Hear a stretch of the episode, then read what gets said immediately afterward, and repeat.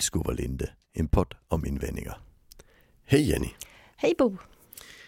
Vi har ju den här podd som heter invändningar. Ja. Och jag tänker faktiskt att jag ska ställa frågan till dig. Har du någon invändning som vi kan börja med liksom här nu? Mm. Alltså, jag tyckte det var jätteroligt för vi, jag lägger ibland upp våra poddar i mina sociala medier sen får man ju ibland lite kommentarer. Där fick jag faktiskt en kommentar som passade rakt in i något jag själv har upplevt som blev jättespännande tycker jag. Aha. Mm. Och det var en, en person med egna svårigheter som skrev att ja men invändningen man kan få det är ju att men du ska ju själv be om hjälp. Aha, okej. Och Mm. den blir faktiskt riktigt spännande Ja, ja. tycker jag. Alltså Ja. innan du liksom går så långt. Så innan du, man tappar kontrollen, är det det man menar? Ja. Innan, aha, så ska man be om hjälp. Ja, Mm. och där hade jag ett handledningsärende kring en, en, en liten eh, person i skolan faktiskt. Eh, vars eh, mamma är professionell i fältet och som Mm. använder ganska mycket tid varje vecka, en, en timme varje vecka hos eh, skol, skolkuratorn där de snackar liksom om Alltså när man frågar liksom hur, hur var situationen på en skala från 1 till 10 så säger han, ja men jag var arg på en sjua. Alltså han har liksom lärt sig allt detta. Mm. Mm. Eh, alltså och förlärt sig han ska säga till i förväg och så liksom. Mm. Och, och sen säger han hela tiden när man snackar om saker som har blivit fel så säger han, jag borde ju sagt till det men jag hann inte innan det blev för sent. Ah, Så han, i teorin kan han allting. ja. För han är tränad, han har haft de här samtalen, han är välvillig och så vidare. Mm. Men i praxissituationen på rasten så kraschar det ju flera gånger i veckan. Ah. Eh, och det innebär ju att idag att hans, hans självtillit är sämre än om vi inte hade gett honom all den här träningen. Just det, för han undrar varför han inte lyssnar på sig själv egentligen va? Ja, Ah, Blir lite så? Ja, Ja. han vet ju vad han borde göra. Ah. Och det är alla runt honom säger du vet ju vad du borde göra. Mm. Men, men i det ligger det också en hög förväntan. Mm. Mm. Så det blir någonstans en invändning att men vi jobbar ju bra men han måste ju också själv.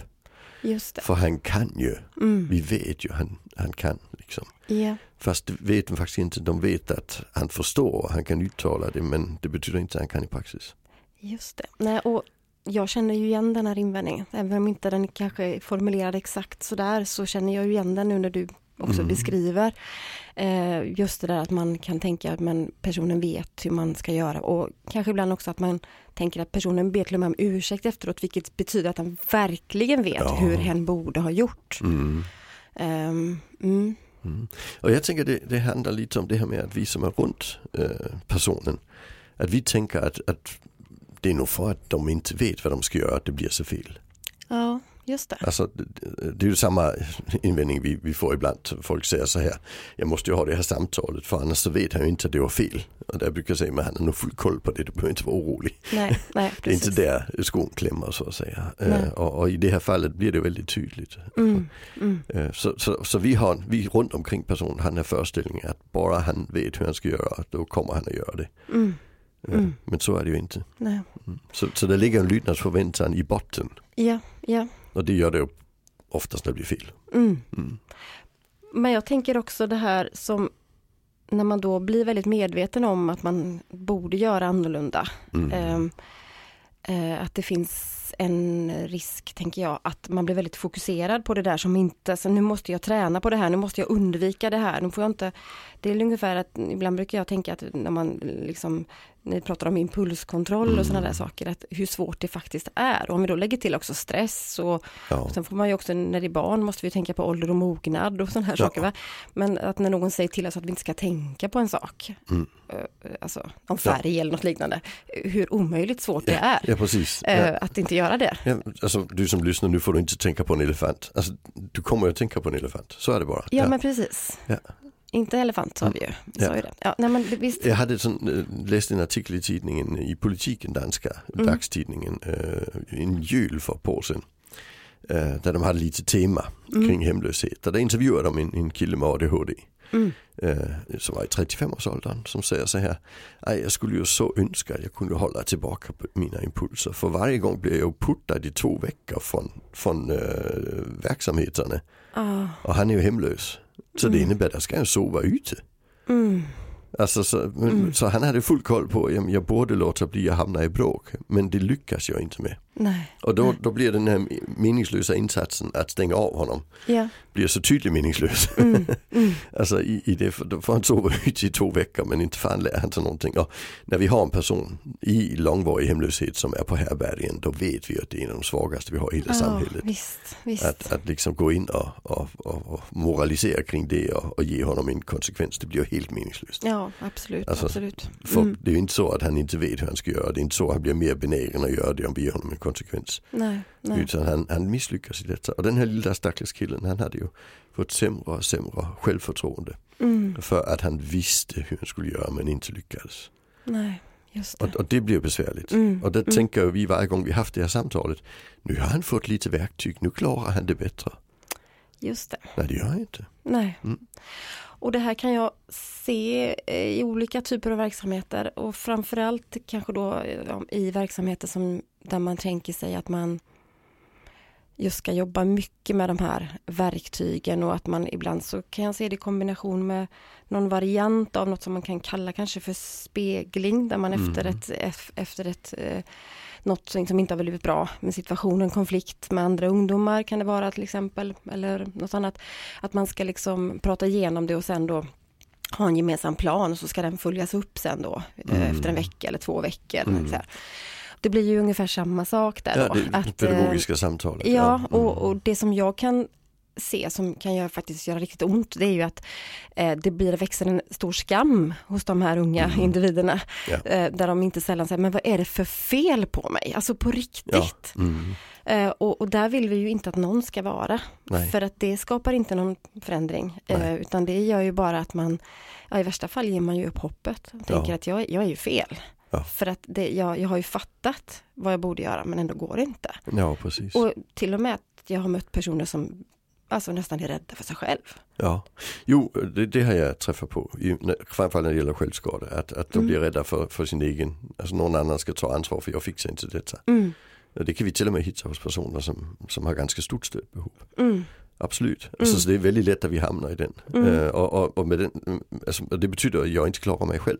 nej, Alltså om, om andra då inte tar ansvar då blir det ju helt kaos i huvudet på en. Mm. Absolut.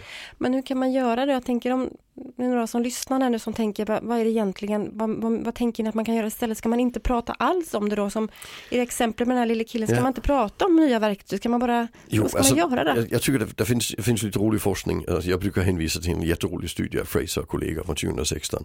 Eh, där de tittade på just det, här, alltså det pedagogiska samtalet var hälften så bra som att låta bli. Mm. Alltså, och, och det är inte för att det inte funkar första gången. Men de gångerna det inte funkar första gången, då funkar det inte heller andra gången. Ja, just det. Alltså som vi tittar på antalet personliga samtal vi har så blir det ju sämre. Mm. Och här där var det ju så att det var, alltså, när man inte gjorde något ja, så blev det ändå en okej situation i 80% av fallen. Eh, men när man hade det här samtalet blev det bara okej i 60% av fallen. Så det, alltså, Ah, ja. gruppen Mm. som, som misslyckades ökade, med, alltså dubblades. Mm. Men det, alltså, de 60% av fallen var ju också okej. Mm. Men det är kanske de gångerna där det räcker med det ena samtalet. Mm. Alltså där personen faktiskt har, lä- har lärt sig efter det samtalet. Mm. Men att gå en gång i veckan och träna på det. Alltså det, jag, har varit, jag har kollegor som jobbar med behandling och som har utvecklat, ja, min kollega Kirsten Kallesson som utvecklar kattkittet till exempel. Mm. Och det funkar ju när Mm. personen har fyllt 14 och har, är minst normalbegåvad och är redo att ta tag i det på egen hand.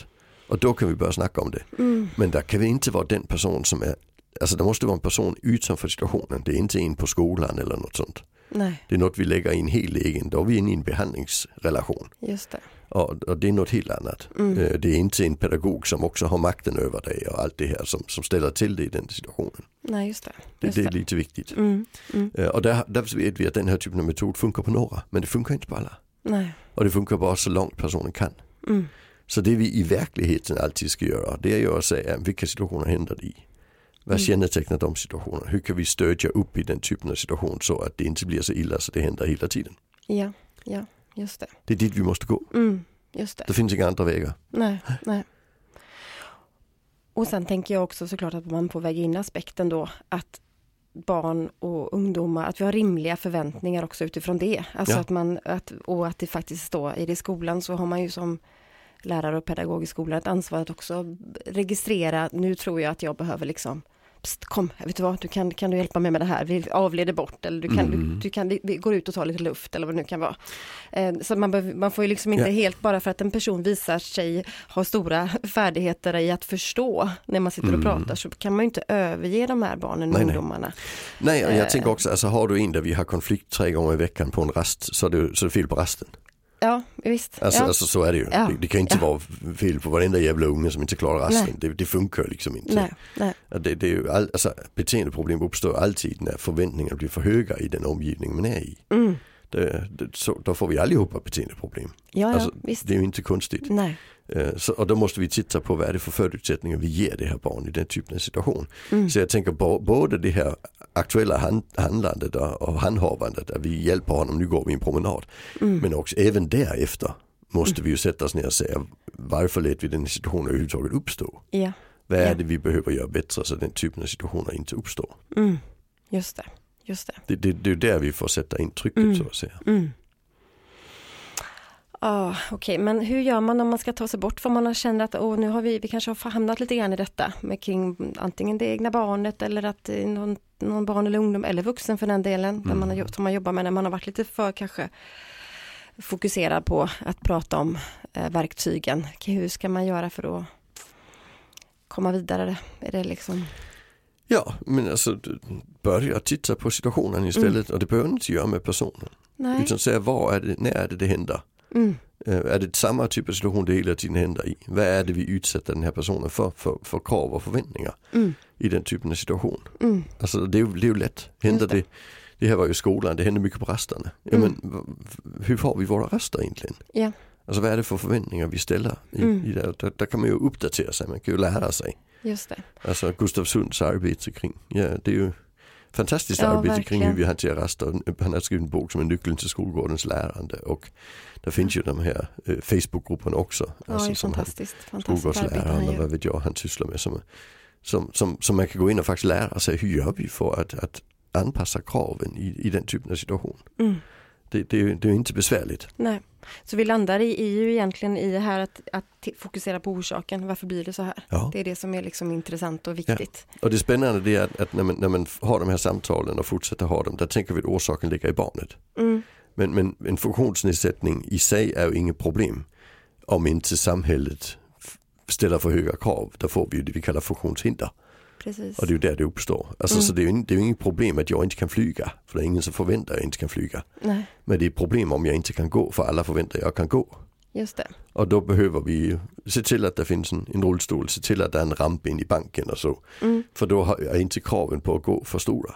Nej, Det, det. det är den nivån vi ska vara på. Mm. Så Mm. är kraven på att kunna reglera sig, att kunna hålla sina impulser Mm. under kontroll och så vidare. Är de för höga så kommer det ju att bli att det kraschar kring eleven. Och då måste vi titta på Mm. hur kan vi bygga en ramp här? Ja, Hur kan vi erbjuda en rullstol? Hur kan vi få saker och ting att funka? mm. det. Vad är det för aktiviteter som inte ställer krav på den typen av förmågor Mm. personen har svårt för?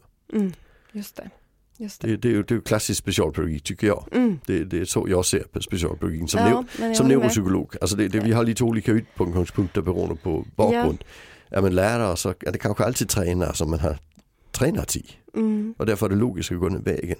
Ja. Men det är det inte för en arbetsterapeut till exempel. Nej, Nej. och jag tänker ur perspektivet som jag kommer med som mm, liksom ur ett pedagogiskt perspektiv och som har som mestadels jobbat med personer som, som har olika typer av utmaningar eller svårigheter som när det gäller både ja, impulskontroll men också att liksom hantera vissa situationer och där kraven många gånger kan bli för höga i förhållande till, till vad man fixar där och då.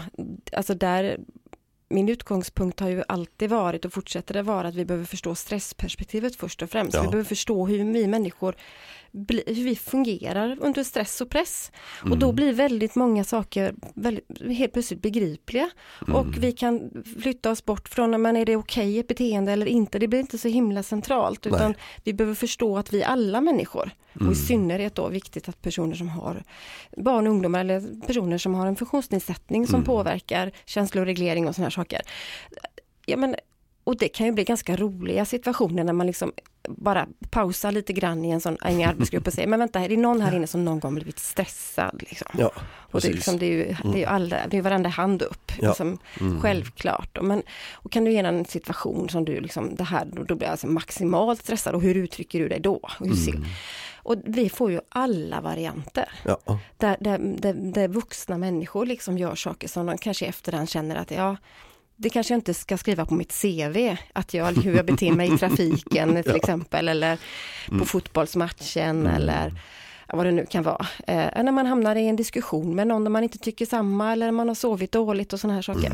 Och det behöver man ibland bara, man behöver vara kvar där ett tag och tänka att det, det finns saker som, som, som är, ja, det har kopplat, det kopplat till stress, det blir ganska naturligt. ja, Och då kopplar vi också på en liksom förståelse som är Ja. viktig. precis. Att vi vet hur man ska göra många Mm. gånger, men vi, inte ens vi vuxna. Som då på något sätt kanske klassas som välfungerande på något vis. håller oss inom de ramarna alltid. Nej. Nej, vi, vi kanske lyckas hålla oss inom de yttre stora ramarna Ja, som handlar om ja. laglighet. Ja, visst. Eh, Men, men, men, men vi upplever ju också att vi har rätt att bete oss ut, alltså inom de ramarna. Ja, visst. Alltså, men men, men det, är, ju- det, är, ju- det, är ju väldigt, det är ju sällan att folk vi jobbar med faktiskt kommer ut för de ramarna också. Mm. Men vi kommer ju, det finns ju fortfarande ram, alltså lämplighetsramar. Ja, ja. Alltså det, vi har en kränkningsdebatt som är jättespännande i samhället. Alltså, Mm. Eh, är det okej eller bör vi kränka för att vi får det? ja, Det är ju jättespännande. Ja. ja. Alltså, jag, jag tycker det är jätteroligt det här med, alltså, vad heter han, eh, danska galningen som heter Rasmus Pal- Paludan som, Mm. som bränner koraner. För alla säger att det är yttrandefrihet. Mm. Ja men det är det ju också när du åker upp till Hells Angels och ger dem fingret.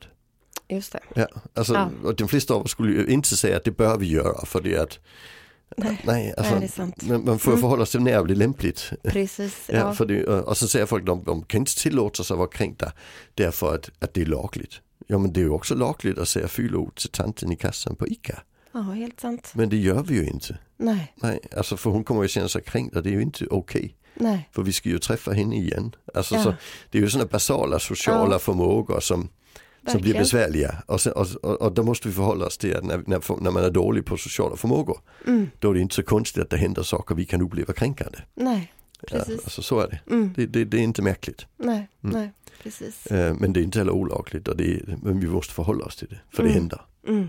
Precis som även om vi inte tycker som Rasmus Paludan får vi förhålla oss till det. Ja, För när det händer. Så Ja. är det ju. mm. Måste allihopa. Just det, just det. Så nej, även om man har samtal tillsammans med ett barn eller en, en, ungdom eller en vuxen för den delen om hur man Mm. borde göra, om man får många förslag och kanske själv har förslag på vad man kan göra. Jag kan be om hjälp Mm. innan så att jag slipper bli arg. Mm. Så är det ingen garanti för att man liksom klarar Nej, av det Ja, i alla stunder. Troligen hade man inte behövt ha de samtalen då, kan man nästan tänka. Men det är ju så jag brukar säga. Ja. Alltså jag brukar säga, har du haft ett samtal och det inte har funkat och du har ett till där du är ursäktad. Ja. Men tar du ett tredje samtal, alltså då är du korkad. Ja, Då har du bevis på att det inte funkar. ja men precis. För det är inte något som vi har, vi har inte dagligdags med alla barnens sittningar. Nu ska vi prata om vad du ska göra istället för att kasta stolar. Uh, Jag har aldrig kastat stolar säger ju de allra Ja. flesta. Nej men det är ändå bra att du vet att du har Ja. Det gör ju inte det. Så de Nej. som har de här samtalen är ju, det, det är ju för att vi har ringat in det här är svårt. ja. Och då måste vi se om det funkar att ha samtalet. Det, det är inte besvärligt. Nej, nej. Alltså vi, vi, vi, vi inom evidensbaserad praktik, som är det som vi jobbar med inom, Mhm. inom socialt arbete idag, Ja. där har vi något vi kallar scientist practitioner perspektivet. Mm. Och det betyder, betyder att varje gång vi gör något så kollar vi upp om det funkar. Och om Mm. det inte funkar så hittar vi på något annat, om det funkar gör vi det gärna igen. Mm. Alltså det är helt grundläggande sätt Mm. att jobba. Mm. Och, och jobbar vi inte med det, ja, då blir det ju jätteknasigt. Mm. Just det. Och det är ju det som händer i den, de här fallen. Kan Ja, säga. vi ser en, istället en ökning av det som blir var Ja. tufft från början. Ja Mm, precis, och mm, ökat fokus och sen självvärdet då. mm, just det. Självtilliten faller. Ja, det blir jättebesvärligt. Mm. Ja, Mm. jag tror vi ska nöja oss så. Ja, det gör Tack vi. för den invändningen, Mm. Bo. Hej hej.